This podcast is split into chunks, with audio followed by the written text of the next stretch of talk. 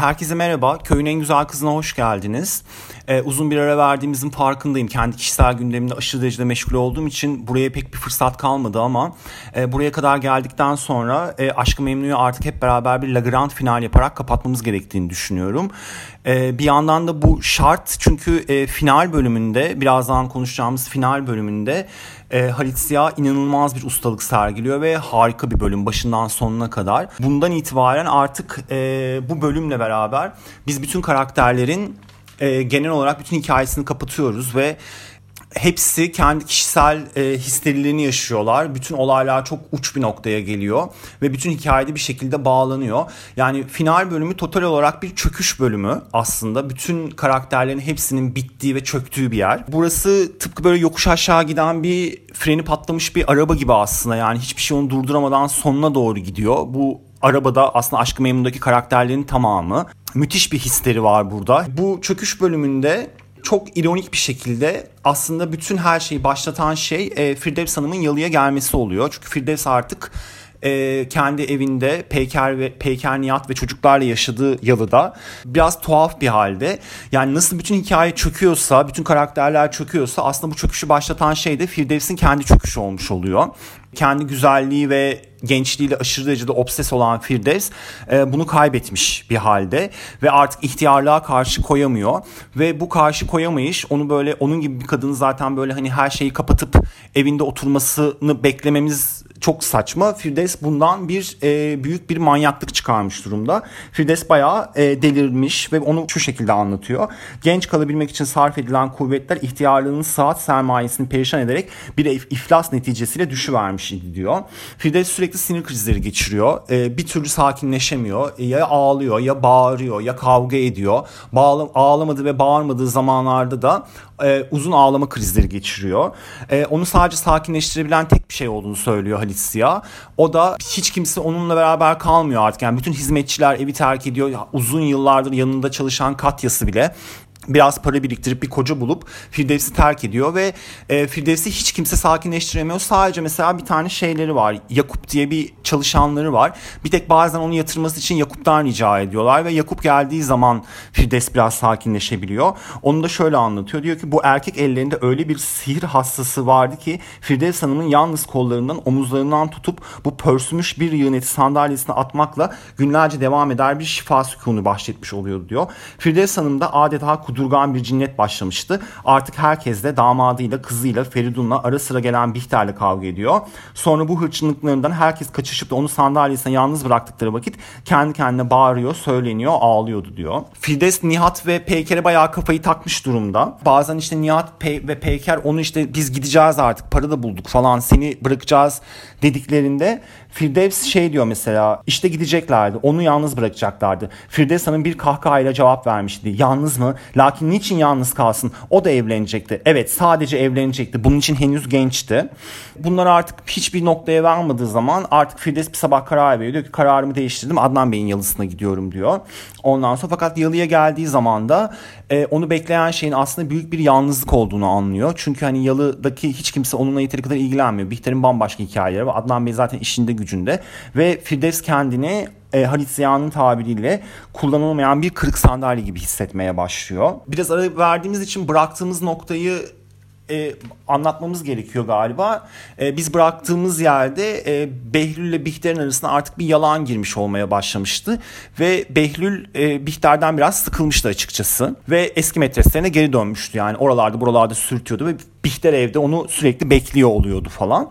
Ve e, bu geldiği yerde de başladığımız nokta Firdevs'in Adnan Bey'in yalısına geldiği yer ve kendini kırık bir sandalye gibi hissettiği yer. Behlül eve geldiğinde Firdevs'in geldiğinde onu bir merhaba demek için odasına gidiyor falan. Ve Firdevs Behlül'ü gördüğü zaman zaten her zaman Behlül'e karşı biraz yüksek. O yüzden bir şey e, tuhaf bir histeri haline bürünüyor. Firdevs'i mutlu eden tek şey yatağının yanındaki biraz sürme, biraz pudra. Firdevs sürekli makyajını siliyor, tazeliyor, tekrar. Pörsümüş bir yığın etin arasında işte pudralar giriyor falan. Yani böyle bayağı bir deli portresi aslında yani sürekli silinen boyanan bir yaşlı kadın. Ve e, Behlül ona merhaba dediği zaman odasına girdiğinde Firdevs bitmek bilmeden ve tükenmeden konuşuyor. Sürekli bir şeyler anlatıyor ve anlattığı şeyler aslında deli saçması. Mesela şey diyor.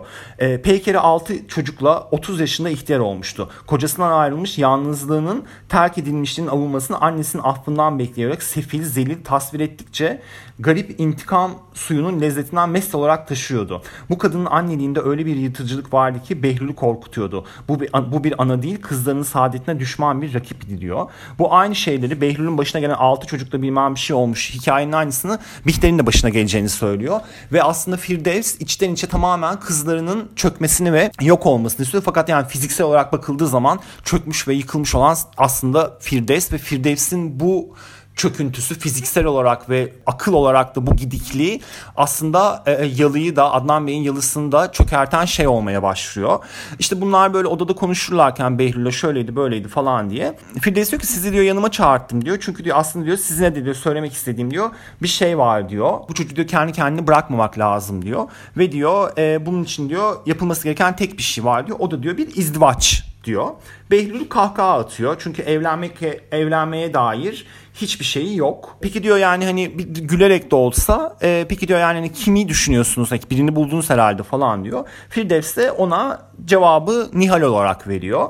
Behlül buna inanamıyor tabii ki de. Ne alakası var Nihal falan yani Nihal'le biz zaten işte kardeş gibiyiz falan falan ağızları yapıyor Behlül orada. Fakat Firdevs buna bayağı bir emin ve Nihal'i Behlül'e satmaya başlıyor. Yani işte hani bu kız diyor bak böyledir şöyledir yakında evlenecek bu kadar diyor hani bir mücevher parçası kadar değerli olan bu kızı başkasına mı vereceksiniz? Tabii ki birbirinize çok yakışıyorsunuz falanlar oluyor filanlar oluyor diye. E, Behlül biraz doldurmaya başlıyor ama Behlül buna inanmıyor. Yatak odasındaki bu şey bölümü devam ederken Behlül bu e, konuşma yapılırken Firdevs'le bir an göz göze geliyor ve orada şöyle bir şey oluyor. Behlül bu kadının her şeyi anlamış olduğuna hüküm veriyordu. Bu kadına kızlarının saadetine öyle sö- sönmek bilmeyen bir husumet vardı ki bu sır onun ellerinde Bihter'e karşı müthiş bir silah olabilirdi. Birden Bihter'le muaşşakalarının yeni bir tehlike devresine girdiğini anladı. Bundan sonra bu sandalyesine mıhlanmış kadının gözleri karanlıkları duvarları delerek gizli bir düşman hiyanetiyle onları takip edecekti diyor. Aslında Behlül Firdevs'in bu hikayeyi anladığının farkında. Hani kaçın kurası olan Firdevs zaten e, bunu tahmin etmiş olsa gerek. Çünkü bir de yani bir yandan da kızını da çok iyi tanıyor.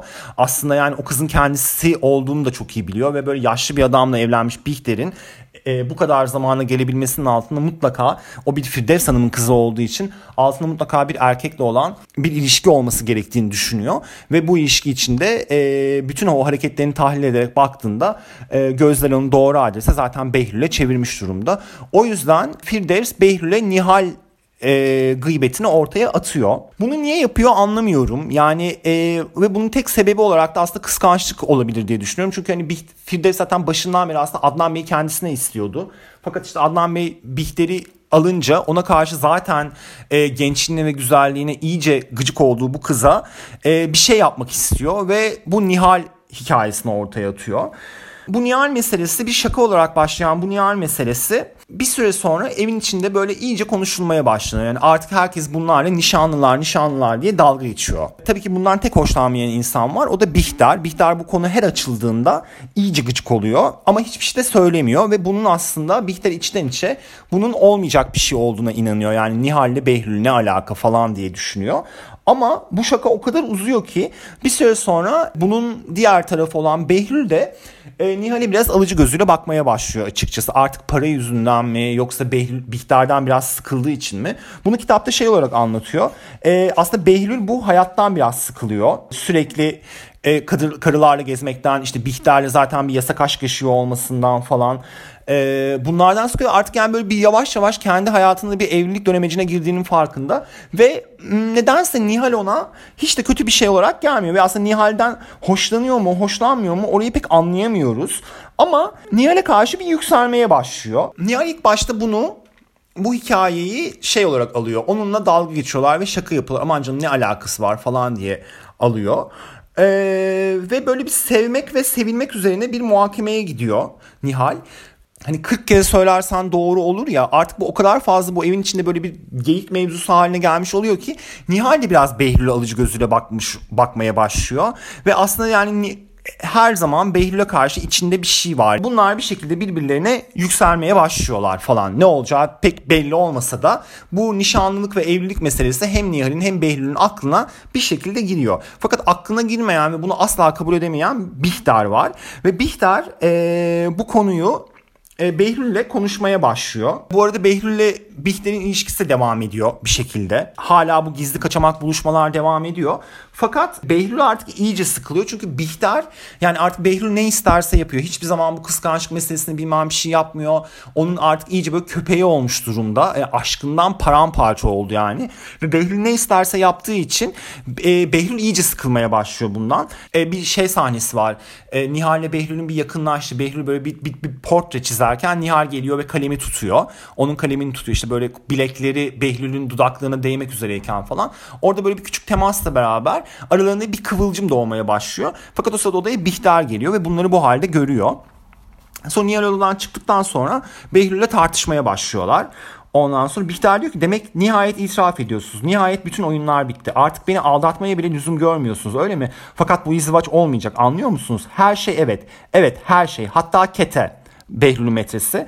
Bakınız ismini bile biliyorum. Evet hatta Kete yalnız Nihal değil. Yalnız bu izdivaç olmayacak. Artık yani e, bu konu yani hem Behlülsüzlük hem bu aşkın şeyi hem Firdevs'in eve gelmiş olması hem bu Nihal mevzusu falan Bihter'in sinirleri artık iyice gerilmeye başlıyor. Başlamış durumda. Bihter Behlül'ü e, küçükten bir tehdit ediyor ve diyor ki Adnan'a giderim diyor ve diyor ki seni aldatan bu e, pardon Adnan'a değil Nihal'e giderim ve diyor ki seni aldatan bu adam şu, şu dakikaya kadar beni de aldatıyordu. O senin için bir koca olamaz çünkü daha evvel kendisine bir başkasına vermişti. Bana diyebilirdi bu izdivaç. Lakin bu kirli bir şey daha fena bu bir cinayet e, diye düşünüyor bunu Behlül. Bihter'in bunu yapabileceğine emin çünkü Bihter artık iyice gözünü karartmış durumda. Behlül bu tehditin karşısında titremişti fakat mağlup olmak olmamak istedi. Unutuyorsunuz ki aramızda daha büyük bir cinayet var diyor. Bihter o dedi. Demek bu aşk bir vakitler bu adamın ağzında onu canlandıran bütün çürümüş işleri çürümüş hislerini temizleyen değerli, mukaddes bir şey olmak üzere temin edilirken bugün o yalanlara inanan bir çare kadının yüzüne bir cinayet olarak fırlatılıyordu diyor. Nihal de artık bunu iyice düşünmeye başlıyor. Nihal'e geçiyor bundan sonra. Fakat Nihal'in içinde de böyle bir şey var. E, kulaklarında bir ses var. Matmazel'in sesi Behlül'den sakınması gerektiğini söyleyen. Bir önceki bölümde bunu anlatmıştık. Bah, e, Nihal'in bir sinir krizinin ardından baygın yatarken tam uyumak üzereyken e, Matmazel onun kulağına eğilip şey diyordu. Behlül'den sakın diyordu. Fakat bu bir rüya mı gerçek mi Nihal bunu anlamadı ama böyle bir ses var hep kafasında. Nihal bir şeye daha dikkat etmişti. Bundan mecbur olmadıkça bahsetmiyordu. Bunu kendisine karşı gerekli bir çekinme haline yoran Nihal sonraları Bihter'in bu izdivaçtan memnun olmadığına hüküm vermiş idi. Bir bakımdan o latife Nihal için bir kıymet kesbetmiş oluyordu diyor. Yani hani Bihter bundan hoşlanmadığı için Nihal de e, Bihter'e karşı olan bitmeyen nefretinden dolayı e, bu evliliğe biraz da o yüzden sıcak bakmaya başlıyor. Yani böyle ince ince ilmek ilmek örülmüş böyle bir şey ağı var. E, Nihal'i, Nihal'i Behlül'e yaklaştıran bir şey. İşte Bihter istemediği için biraz yükseliyor. Şaka çok fazla bir uzadığı için bir aklına düşüyor. Firdevs e, Behlül'ü e, fitnelediği için Behlül böyle bir şey oluyor falan. Ve bunlar yakın yakın yakın yakın birbirine biraz iyice yaklaşmaya başlıyor. Bütün bunlar olurken bir yandan da bir de Beşir hikayemiz var. Çok artık bu bölümde de işleyeceğimiz Bekir Bekir diyorum.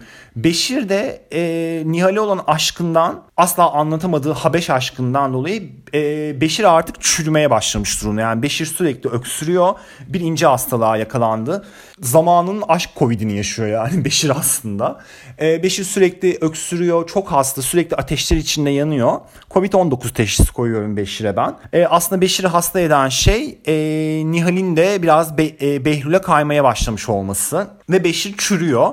Ve bütün bunlar olurken bir gün yine Nihal'i e, adaya göndermeye karar veriyor. Adadaki halasının yanına gitmesini istiyorlar. Nihal de e, Nesrin'in yanına alıyor ve e, ada havasının da ona iyi geleceğini düşündüğü için Beşir'i de yanına alarak adaya gidiyor. Ondan sonra adasında adada halasının yanında e, kalacak bir süre falan. Nihal adadayken çok mutlu ve Bülent onu ziyarete gelecek hafta sonu okuldan çıktığında o da adaya geliyor falan. Fakat orada vapuru beklerlerken vapurdan e, Behlül iniyor ve Behlül artık ona Nihal'e açık açık olma, açıklamak için bütün hikayeyi adaya geliyor. Behlül adaya geliyor ve adada bir gece geçiriyorlar yani şeyde ve Behlül orada Nihal'den hoşlandığını, onunla evlenmek istediğini ve şey dediğini söylüyor. Adnan Bey diyor ki eğer Nihal evet derse benim de kararım evettir diyor ve Behlül buna dair fikrini sormak üzere adaya geliyor. Ve Nihal'le böyle bir gün geçiriyorlar falan, bir akşam geçiriyorlar falan. Ee, burada çok güzel çok uzun bir e, adada hep beraber bir mehtaba çıktıkları ve büyük adada doğan ayı izledikleri bir, bir sahnesi var. Bayağı uzun anlatılmış burası. E, arabayı Beşir kullanıyor. Nihal ve e, Behlül beraberler ve böyle çam ormanları arasında yürüyerek e, ayı izliyorlar ve hayatlarını beraber geçtikleri ilk romantik gece bu. E, bu bölümü yazarken bence Halit Ziya'nın torbacısı çok iyiymiş ve e, harika bir e, esrar bulmuş bir yerden. Çünkü gerçekten ben burayı bayağı epik buluyorum. Yani başından sonuna okumak isterim aslında yani. yani acayip romantik, acayip betimlemeler var. İnanılmaz bir İstanbul ve ada tasviri var uzaktan görünen ve yani bayağı onun o kafasına giriyorsun ve çok bayağı hülyalı ve e, büyülü bir yer burası. Ve bu geçen bu inanılmaz gecenin ardından Nihal Behlül'le evlenmeye karar veriyor. Ve bunu gören Beşir iyice kafaları yiyor ve öksürükleri abartılıyor falan. Burada Nihal bir şey sorgusu yapıyor. Behlül'le bütün bu e, evlilik meselesini konuşurlarken Mehtap e, partında. E, Nihal hep bunun bir şaka olduğunu düşünüyor. Yani onu aslında şey yapılan ve Behlül'ün her zaman alaycı ve şakacı Behlül'ün onun duygularıyla oynamak için bulduğu bir şey ve hep böyle şey diyor yani zavallı Nihal. İşte yani hani tamam şakaysa da artık bırakalım falan ve çünkü yükselmeye başlıyor bunu duruma.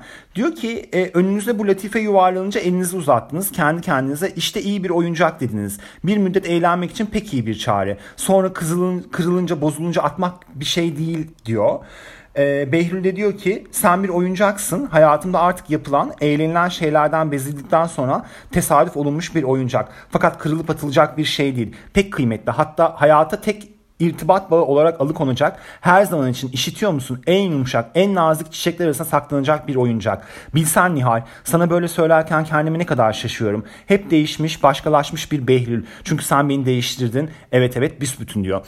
Behlül tabii ki orospu çocuğunun önde gideni. Ağzı aşırı derecede iyi laf yaptığı için e, Nihal'i Nihal'in küçük Nihal'in kalbini çalmakta çok usta. Ama e, bunu kitapta şey olarak anlatmıyor. Yani Behlül bir numara yapıyor ve Nihal'i kandırmak için yapıyor diye. Bir, kendine göre bir takım sebepleri var. Ama o değil. Gerçekten biraz artık bu hayattan sıkılmış durumda ve e, bu hayattan sıkılmış durumda ve e, bunun için Nihal'i çok uygun bir eş olarak görüyor. Ama onu gerçekten seviyor mu? Hmm, I don't think so. Ben Behlül'ün herhangi bir insanı gerçekten sevebileceğini zannetmiyorum. Nihal artık ağlamıyordu. Gözlerinde henüz bir nem bakiyesiyle kendisine bu yıldızlı rüyaları vaat eden adama bakıyordu. Şu dakika bu çocuğun elemli, elemli ruhuna nasıl bir sevda ihtiyacı uyanmış idi ki bu saadet zemzemesini böyle bitmez tükenmez saadetlerle saatlerle dinlemek arzusunu veriyordu. Bunu dinlerken iki senelik hüsran hayatını, o hayatın işkencelerini düşünüyordu. Daha sonra garip bir hayal hadisesiyle bu düşüncelerin arasında anne çehresine benzeyen müphem bir gölge görüyordu. Sevilmek. Sevilmek. Hasta ruhunda yalnız bu feryat vardı. İşte şimdi onu seven biri vardı. Dizlerinin dibinde bu tekrar olunuyordu ve kendisinden buna karşılık yalnız bir parça sevilmek isteniyordu. O da Behlül'ü bir parça sevmiyor muydu? Ve bu e, kafa oyunlarından sonra Behlül diyor ki artık Evet diyorsun değil mi Nihal diyor. Söyle bakayım yalnız bir kelime, bir küçük kelime ondan sonra buradan kalkar gider arabamıza biner uçarız. İhtiyar halaya işte size bir çift bahtiyar getiririz. Evet değil mi Nihal diyor. Nihal başına eğdi ve ta Behlül'ün kulağına kendisiyle eğlenecek olanlardan saklıyorcasına bir hafif nefese benzeyen bir sesle evet dedi. Ne ne ne ne ne ne ne ne ve Beşir öksürüyor burada. Beşir boğulurcasına öksürüyor. Ertesi sabah oluyor. Uyanıyorlar. Ondan sonra çok harika bir gece geçirirler. Tabii ayrı yatıyorlar diye tahmin ediyorum burada. Hala onları aynı, asla aynı odaya koymaz şu anda. Behlül'ü belki sevmiyordu lakin onun tarafından sevilmek istiyordu. Bahtiyar olmak için bunu kafi buluyordu. Sonra bu gece o latife bir hakikatle bitiverince birden Nihal kalbinin o zamana kadar kalan satırlarını okuyuvermiş idi diyor. Evet o da Behlül'ü seviyordu ve kim bilir ne vakitten beri. Evet onu seviyordu yalnız ona zevci olabilirdi. Buna artık itiraf ettikten sonra büyük bir yükten kurtulmuş diyor. Sürekli Beşir'den bahsediyorlar. Ay Beşir geberse de kurtulsak artık yani ondan. Sürekli araları Beşir giriyor. Beşir öksürüyor da öksürüyor, öksürüyor da öksürüyor yani. O sırada Bülent geliyor ee, adaya. öğle uykusundan uyanan Nihal e, Bülent'le karşılaşıyor falan. Ve Behlül bir anda böyle şey diyor. Benim e, şeye gitmem lazım diyor. İstanbul'a geri dönmem gerekiyor diyor. Ondan sonra Nihal bunu bir anlamıyor ne oluyor falan diyor. Ve neyse işte Behlül yok çok acil bir işim çıktı gitmem gerekiyor falan diyor. Ve tam şeyde vedalaşırlarken ada iskelesinde Behlül cüzdanını çıkartıyor ve cüzdanından bir kağıt parçası düşüyor. Ondan sonra burasını biraz böyle eh yani meh buluyorum yani hani bu kadar bir kağıtla beraber hani bu şeyin bağlanıyor olması Behlül'ün bu kağıdın düştüğünü fark etmiyor olması falan falan. Buraları biraz tuhaf geliyor ama neyse yani adamcağız da ne yapsın artık bir şekilde bağlamak zorunda. Nihal bu kağıdı görüyor ve diyor ki bir kağıt düşürdünüz demek için ağzını açmak üzereydi. Sonra birden doğu veren bir his onu, te- onu tevkif etti. Behlül gittikten sonra Nihal kağıdı açıyor ve kağıtta iki satırdan ibaret bir not yazıyor. Hepsini itiraf etti. Artık o niyet mümkün değil. Bu akşam herhalde burada bulununuz diyordu. Ve bu yazı Firdevs Hanım'ın yazısı. Sonra birden sanki bu kağıt parçası yırtılarak ortasından Bihter'in çehresi çıktı. Bihter. Evet Bihter'di itiraf eden oydu. O zaman Nihal'in beyninin içine bir bulut, her şeyi dumanlandıran, siyah bir örtüyle boğan bir bulut parçalandı. Artık düşünemiyor, şimdi zihninde patlayarak başını kırmak isteyen sualleri işitmemek için çalışıyordu. Ve yine o asap buhranı zamanlarında ensesinden saplanıyor zannolulan çiviler yavaş yavaş dönen, döndükçe daha ziyade saplanarak delen burgularıyla beynini deliyordu diyor. Ve e, bu notla Nihal böyle bir yükseliyor. Ve diyor ki ben de ben de diyor İstanbul'a döneceğim falan diyor. Ve birden apar topar hazırlanarak hiçbir sebep yokken Nihal de e, bu yüzleşmeyi yaşamak için İstanbul'a dönmeye karar veriyor. Ama diyor iki gün sonra tekrar geri geleceğim diyor. Vapura biniyorlar. Beşir, e, Nesrin ve Nihal. E, Nihal çok gergin. E, bir yandan yani hem buna hem buna ikna olmak istemiyor ama bir yandan da bu notu gördü yani Firdevs'in yazısı yazılmış notu. Ve vapurda şöyle bir an oluyor. Ve bir saniye içinde bilinemez nasıl bir serseri bir takım fikirlerin birbiriyle karşılaşmasından tutuşan bir anlama parlayışı içinde bu iki satırın arasında gizlenmiş hakikati, asıl o müthiş hakikati gördü. Bu ancak bir saniye içinde parlayan bir kıvılcım idi. O zamana kadar yalnız kendisini bedbah etmeye çalışan bir kadının yüzünün haininden başka bir şey görmemişti. Bu simanın arkası şimdi o kirli, çirkin hakikatin çehresini gördü. Demek böyleydi diyor. Nedense yani e, Nihal'in içine bu konunun Bihter'le alakalı bir şey olduğu doğuyor. Bir yandan da e, Nihal bunun aslında bu notun çok eski bir not olabileceğini de düşünüyor. Yani bir türlü Behlül'e bu şeyi e, kondurmak istemiyor. Ama bunu bununla Behlül'le bir yüzleşme yaşama, yaşaması gerektiğinin farkında. Sonra eve geliyor. Evde e, Bihter e, Firdevs Hanım, Adnan Bey hepsi beraberler. Nihal'i görünce çok şaşırıyorlar. E, Nihal diyor ki ben öylesine geldim bilmem bir şey yaptım falan diyor. Sonra işte Nihal tam odadan çıkarken e, Firdevs Hanım adamın yanına geliyor ve kulağına eğilerek babama söyleyiniz ki Nihal evet dedi deyin diyor ve odadan çıkıyor. Sanırım artık son bölüme geldik. Evet. Hayır sondan bir önceki bölüme gelmişiz amacına ulaşıp Nihal ile Behlül'ün arasını yaptıktan ve Nihal de evet dedikten sonra 21. bölüm şu şekilde başlıyor. Anne ile kız arasındaki izahat seri ve şiddetli oldu diyor.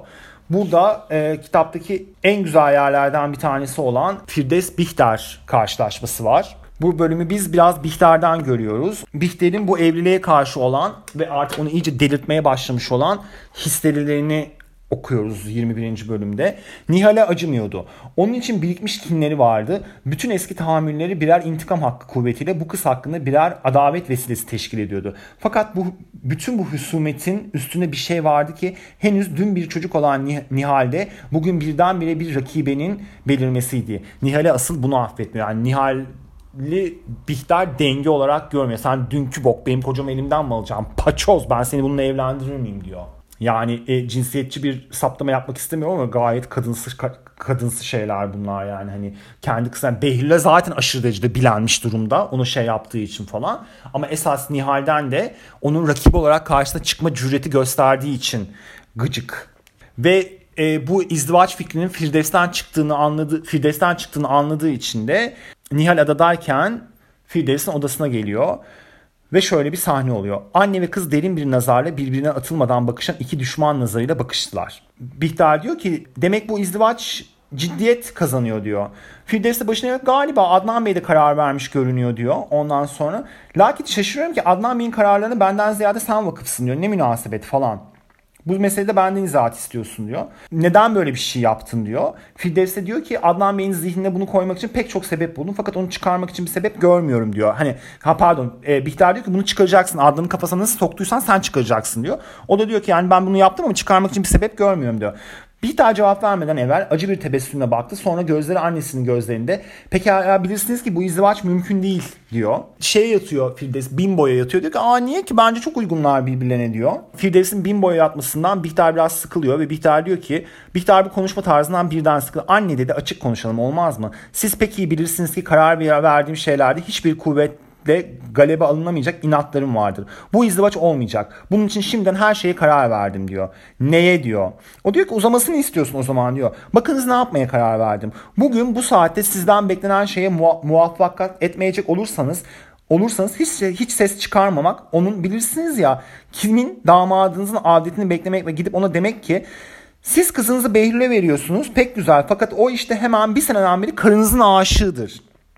Bihter tane tane yavaş yavaş tam bir sükun ile gayet tabii bir şey söylercesine fütursuz, annesinin gözlerine ayrılmayan gözlerinde gittikçe belli olan vahşi bir tebessüme devam ediyor. Firdevs Hanım'ın dudaklarından alay etmeyle hor görme hanesi bekliyor. Kızının devam etmekten men eder belki doğru olarak dişlerin arasından utanmaz dedi. O zaman Bihter devam ederek ilave etti. Kocamın yüzüne atılmasına mani olarak diyeceğim ki yok niçin hiddet ediyorsunuz? Karınızın Firdevs Hanım'ın kızı olduğuna vakıftınız. Teessüf olunur ki onun yanında bir de Behlül bulundu. Bu kadına teşekkür ediniz ki bugün size gelip kızınızı bu adama vermeyiniz ve bu kadını annesiyle hususuyla annesiyle beraber evinizden kovunuz diyor. Fides terbiyesiz. Yo aksine sizden alınan terbiyeyi inkar etmiyorum zannederim. Hususiyle size yeni bir şey öğretmiş de olmuyorum. Ne Firdevs Hanım'ın kızı olduğumu ne de Behlül ile aramızda bir münasebet bulunduğunu bilmez değildiniz. İtiraf ediniz ki bu izdivacı bir parçada hatta tamamıyla o münasebeti bildiğiniz için icat ettiniz. İster misiniz artık barışma akit edelim? Madem ki benden sonra Adnan Bey de sizi almayacak. Firdevs hiddetinden boğuluyor gibi de haykırdı. Bihter! Bihter elini uzattı. Hizmetçileri duyurmak hiç hoş bir şeydir. İsterseniz sizinle anne kız meseleyi halledelim diyor. Burada anne kız meseleyi halledin. İki yani orospu ana ile orospu kızı biz birbirimizin halinden anlarız hayatım. Gel biz bu işi beraber çözelim falan diyor. Firdevs diyor ki lakin yanılıyorsun onlar birbirini seviyor bu izdivacı bozmak hiç kolay değil diyor. Bihter sesinin bütün sertliğiyle cevap verdi. Kolay olmasa bile madem ki birbirini seviyorlar hususuyla bunun için bu izdivacı bozmak lazım geliyor. Sonra birden bütün üzüntüsünün ıstırabını taşıman hamlesini bu defa o haykırdı. Burası e, hepinizin bildiği bir part. Bihter annesine şu şekilde haykırıyor. Lakin ya Rabbi anlasanıza ölüyorum. Onların gözümün önünde seviştiklerinden gözümün önünde ben işkenceler içinde kıvranırken onların saadetleri üzerinden ölüyorum diyor. Bu bölümün aynısını biliyorsunuz dizinin finalinde de almışlardı. Bu e, repliği tamamen hiç değiştirmeden kullanmışlar ki dizinin en popüler olmuş laflarından bir tanesi sürekli şeyleri dönüyor. Lakin ya Rabbi anlasanıza ölüyorum. Onların gözümün önünde seviştiklerinden gözümün önünde. Ben işkenceler içinde kıvranırken onların saadetlerinden ölüyorum diyor. Ve annesinin dizine atıp hüngür hüngür bu müthiş azapta birinci defa olarak bol bol ağladı ağladı diyor. Bunun üzerine Firdevs ee, şeye gelip bu notu Behlül'e gönderiyor. Ee, o işte hani her şey bu iş olmayacak çabuk geri dön notunu. Fakat bu not Nihal'le beraber oluyor ve Firdevs'in gelişi gerçekten bu çöküşü hızlandıran şey oluyor. Bu sırada Behlül e, Behlül şeye doğru geliyor. Köşke doğru geliyor ama Behlül gidip gitmemekte kararsız ve Behlül giderken e, Bihter'e yalvarmak istiyor. Ne olur buna bir son ver. Sakın bir şey yapma. Bu gece diyecek odamda diyecekti ve emin o, emindi ki o yine gelecekti. Geldikten sonra gözyaşlarının içinde aşkını feda edecekti diye. Behlül böyle bir delusion içinde. Böyle bir şey olmayacak Behlül. Behlül böyle kafaları yiyor böyle olacak zannederek. Ve son bölüme geldik artık 22. bölüm. 22 haftalık Tefrika'nın son bölümünde artık e, La Grand Final birazdan gerçekleşmek üzere. Burada Halit Ziya yine harika bir oyun yaparak bütün karakterleri e, bir şekilde aynı evin içinde toplamayı başarıyor. Bir aralık sema temizlenmiş göründü. Sonra birden esmerline sanki bir tabaka gölge daha düştü ve dakikalar geçtikçe bu gölge tabakaları daha seri, daha koyu sıklaşıyordu. Artık geceydi diyor ve Adnan Bey'in yazısında son gece, kitaptaki de son gece aynı zamanda bu.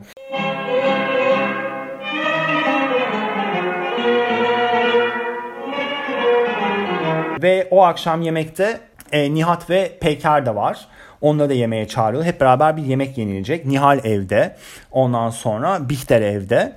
E, ve Behlül bekleniyor bir şekilde. Ve Nihal sürekli e, Behlül'ün gelmeyeceğini zannediyor. Nihat Bey'in sesini duyduğunda onu ilk başta bir Behlül zannediyor ama Behlül henüz yok. Sonra Behlül eve geliyor. Ondan sonra buralarda artık böyle bir şey var. E, o oraya giriyor, bu buraya giriyor. Yani evdekilerin yarısı olayı öğrendi. Diğer yarısı da öğrenmek üzere ve artık biraz ok yaydan çıktı yani. Nihal'in elinde bir tane not var. Onlar bunu biliyorlar. Bilmeyen insanlar Adnan bilmiyor. Nihal tam olarak emin değil. Beşir var. Beşir de aşağıda hamam böceği gibi yatıyor. Ee, Bihter bir ara böyle bir Beşir'in odasına giriyor ve ona adayla ilgili bir şeyler sormak istiyor. Beşir Bihter'in suratına bok gibi bakıyor. Bihter o katran kokularıyla dolu odada daha ziyade duramadı bunalıyordu. Ondan sonra ve koridora Adnan'ın odasına giderken koridora çıktığında bir bakıyor ki yanı başında Behlül var. Behlül eve gelmiş. Behlül diyor ki niçin benden kaçıyorsunuz? Yalnız bir dakika ikimizin esenliği için diyor. Behlül diyor ki Nihal'in hepsinin haberi var. Tezkere onun elinde diyor. Bihter vahşi bir tebessümle güldü. Hala cevap vermedi. O zaman Behlül taştı. Lakin siz biliyorsunuz ki bu ikimizi mahvedebilir. Buna müsaade edemezsiniz diyor. Behlül tehdit edercesine Bihter'e yaklaşıyordu. Hususuyla aramızda masum bir kız, bir çocuk var. Bu onu öldürmek için kafidir. Anlıyor musunuz diyor. Bu gece geleceksiniz dedi. Bihter cevap vermeyerek merdivene dönüyordu. O dakika merdiveneden yavaşça sessiz, gürültüsüz sanki bir gölge kayıyor, düşüyor ve hemen oraya yığılı veriyordu. Bihter bir dehşet haykırışını zapt edemedi. Nihal dedi. Behlül koştu. Nihal orada ayaklarının altında gerilmiş asabıyla, kilitlenmiş çenesiyle, uzanmış bir kollarıyla, dimdik bir ölü sarılığıyla yatıyordu. Nihal e, Behlül'le Bihter'in konuşmasını duyuyor ve orada bayılıyor. Behlül çıldırmışçasına öldürdük, bizi öldürdük diyor. Sonra Bihter'e bakarak ilave ediyordu. Anlıyor musunuz biz ikimiz? Sonra bağırıyor koşunuz Nihal, Nihal bayıldı. Nihal, Nihal bana baksana Nihal falan. Peyker Bihter'e soruyor ne oldu nasıl oldu? Bihter merdivenin kenarına dayanmış hareketsiz. Bu etrafında cereyan eden şeyden habersiz donuk gözlerle bakıyordu. Adnan Bey geliyor. Nihal'i kaldırıyor ve odasına götürüyor. E, odaya girdiklerinde Bihter de odaya girmek istiyor. Behlül odaya girmek istiyor. Adnan Bey diyor ki yalnız kalsak daha iyi olacak diyor. Hayır hayır kimseyi istemem diyordu. Göreceksiniz ki yarım saat sonra Nihal yatağından kalkacak. Adnan Bey'in de kalbinde birden bir şüphe uyanmıştı. Nihal'in o gün adadan birdenbire dönüşü avdetinin Nihal için pek tabii bir çocukluk olması telakki etmiş iken Nihal'i Bihter ile Behlül'ün ayakları altında serilmiş görünce kendi kendisine bir şey var demiş idi. Bu şüphe belirsiz ve o şeyin nevi mayi düşünülmeksizin oluşmuş bir histen ibaretti. Sonra bütün bu kargaşalık arasında bilinmez bir hisse gözleri Bihter'i aramıştı. Bihter niçin orada değildi? Neden herkesle beraber ve herkesten ziyade o telaş etmiyordu? diyor. Adnan e, Bihter'in Adnan Nihal'in odasında Nihal'i ayıltmaya çalışırken evet bu nasıl tahmin olunabilir? Bir gün belki bu hatanın kurbanı bu mini mini Nihal bu bir nefeste sönüverecek kadar zayıf çiçek böyle birden artık bir daha başını kaldırmamak üzere düşüvermez miydi diyor. Adnan Bey Nihal'in başındayken başını kaldırıyor ve yataklığın ayak ucunda Beşir'i görüyor. Ne oluyorsun Beşir diyor. Beşir kuru bir sesle küçük hanımı öldürüyorlar dedi. Artık hepsini söyleyeceğim ve yataklığın demirine dayanarak gözleri Adnan Bey'in gözlerinden kaçınarak başladı. O hepsini biliyor biliyordu. Kaç geceler soğuklarda, yağmurların altında, karanlık köşelerde gizlenerek, sofanın şehnişinde saatlerce onları bekleyerek yorulmaz bir merakla takip etmişti diyor. Aslında bütün başından itibaren Bihter'in e, Behlül'ün odasına girdiğini, o koridorlarda bekleyen insanın Beşir olduğunu anlıyoruz. Adnan Bey başının üstünde bir dünya parçalanmışçasına ezilmiş gibi hala gözlerini Beşir'den ayırmayarak duruyordu. Sonra birden taşan çılgın bir öfkeyle bir şeyler kırmak, bir şeyler öldürmek isteyen bir köpürmeyle kalktı. Ne yapacağını bilmiyordu. Odanın içine dönüyordu. Bihter, Bihter. Ona Bihter lazımdı. Kollarından tutacak, Bihter'i kıracaktı. Aralık kapıya koştu. Bihter bu beklenmeyen vakadan sonra kollarını Nihal'i çıkaran kocasını takip edemeyerek orada bir hareket etmek dolmuşçasına kalmıştı. Sonra Bihter kaçıyor ve biraz yalnız kalmak istiyor. Ve odasına gidiyor odasına giderek, girerek aralık kapısını sürmeliydi. Kaç kereler kocasının hukukuna karşı böyle kapanan bu kapı işte nihayet onun intikam hakkına karşı da kapanıyordu. Kendisini odasında elinde o zarif bir oyuncağa benzeyen şeyle yapayalnız karanlıkta bulunca titredi. Bu zarif oyuncak Adnan Bey'in silahı. Bihter bu silahı bir kere görmüş ve çekmecede. O çekmeceden o silahı alıyor ve e, kendisini odasında elinde o zarif bir oyuncağa benzeyen şeyle yapayalnız karanlıkta bulunca titredi. Bütün kuvvetleri birden söndü. Gerçekten bunu yapacak mıydı? Böyle genç, güzel, henüz yaşamaya vakit bulamaksız. Ay canım ya. En evvel mumunu yakmak istedi. Herhalde karanlıkta ölmeyecekti. Kendisini bir defa daha görmeksizin ölmek demek öldükten sonra artık her şey bitecekti. O da kendisi o da kendisi de bitecekti. Artık bir daha yaşamamak üzere. Karanlık bitmek bitmez tükenmez bir karanlık içinde ebedi bir gölge olacaktı. Elinde silahla bekliyor. O sırada kapı deliler gibi çarpılmaya başlıyor. Kapıda Adnan ve ve kapı kırılmak üzere. Bihter diyor açınız rica ederim anlamıyor musunuz rica ediyorum. Açamayacaktı. O adamın karşısına çıkamayacaktı. Ve elinde hep o küçük zarif oyuncağın siyah ağzı kıvrılıyor, kıvrılıyor. Ona çevrime, karanlıkta onu bulmak istiyor ve ikna eden bir sesle evet güzel, genç, nefis bir kadın senin için yapılacak yalnız bu var diyordu. Kendisini aldatmak isteyen bu hain şeyi silkip atacaktı. Ölmeyecekti. Bu güzel, genç, nefis kadın yaşayacaktı. Sonra birden artık kırılmaya hazır çatırdayan kapının karşısında bileğinin mukavemetine bir güçsüzlük geldi. Sanki onu bir kuvvet büktü, mağlup etti. Nihayet o siyah ağız kıvrıldı, kıvrıldı. Bir yılan hiyanetiyle karanlıkta o elim aşk acısıyla sızlanan noktayı buldu ve Bihter silahı e, kalbinde aşk acısıyla sızlayan yere çevirip ateş ediyor. Kitabın finali Bihter'in ölümüyle son buluyor ama bu devam ediyor aslında bu bölüm. Ondan sonra Beşir de ölüyor. Üf, gebersin artık bıktım Beşir'den. Nihal 3 gün sonra kendine geliyor ve bir Ağustos ayına atlıyor. Ağustos ayının bir akşamında artık Nihal biraz sakinleşmiş. Bu konuyu hiç konuşmuyor oluyorlar falan. Ve kitabın son sayfasında Nihal eve bakarak diyor ki orada durarak bakıyordu. Belki onlar içerideydiler. O Mesut nişanlılar, Behlül ile Nihal. Hayallerde tattım hayallerde. Acı bir tebessümle dudakları titriyordu. Birden bunu düşünmemek için nefsine kendini zorladı. Zihninden geçen bu şeyin babasını mahzun etmesinden korkuyordu. Artık bundan sonra hayatını babasına borçlu değil miydi? Yalnız ona diyor. Ve burada çok ilginç bir, bir cümle var. Şimdi bu baba, baba kız yaşamak için birbirlerine muhtaç idiler. Bunu tekrar ederken zihninden bir şimşek suretiyle bir korku geçiyordu. Ya ikisinden biri yalnız kalırsa sonra bu korkudan kaçmak için babasını çekiyor. Artık kaçalım diyordu. Ve gözlerini kapayarak kalbi bir dua ile o korkuya cevap veriyordu beraber hep beraber yaşarken ve ölürken yani e, kitabın sonunda Adnan Bey ve Nihal artık birbirlerine mahkum olarak kalmış oluyorlar. Bir baba kız olarak tamamen birbirlerine yani baba kız yaşamak için birbirlerine muhtaç idiler diyor. Ee, yani kitabın sonuna baktığımız zaman aslında herkes için bir total mutsuz son var. Firdevs zaten yaşlandığı için kendi hapishanesine mahkum olmuş durumda. Oradan çıkamıyor. Behlül kaçtı ve yok ortada. Adnan Bey ve Nihal ise e, birbirlerine olan o e, baba kız sevgisine mahkumlar ve oradan çıkamıyorlar. Bihter zaten öldü. Belki bir tek mutlu son Matmazel için söylüyor. Çünkü Matmazel'i geri çağırıyorlar. Ama e, bence Matmazel için de bir suç. Çünkü Matmazel de artık bunlardan bu delilerden kaçıp kurtuldu. Fransa'da yaşarken Deli Nihal'in onu çağırmasıyla beraber tekrar geri gelmek üzere. Ve Aşkı Memnu çok karanlık bir noktada bitiyor. Ama bugün bunu şöyle şu şekilde düşündüm. Herkes için bu kitaptaki herkes çok mutsuz ayrılıyor buradan. Ama belki de bence tek mutlu ayrılan karakter e, baktığımız zaman sonunda yine de Bihter. Kendini öldürmüş ve bütün bu hikayeyi sonuçlandırmış olsa da e, Bihter arzusunu, aşkını ve cinselliğini kovalamayı sonuna kadar tercih etti. Ve onun bayağı sinirleriyle de iyice oynadılar aslında yani bu yapılacak olan şeyle.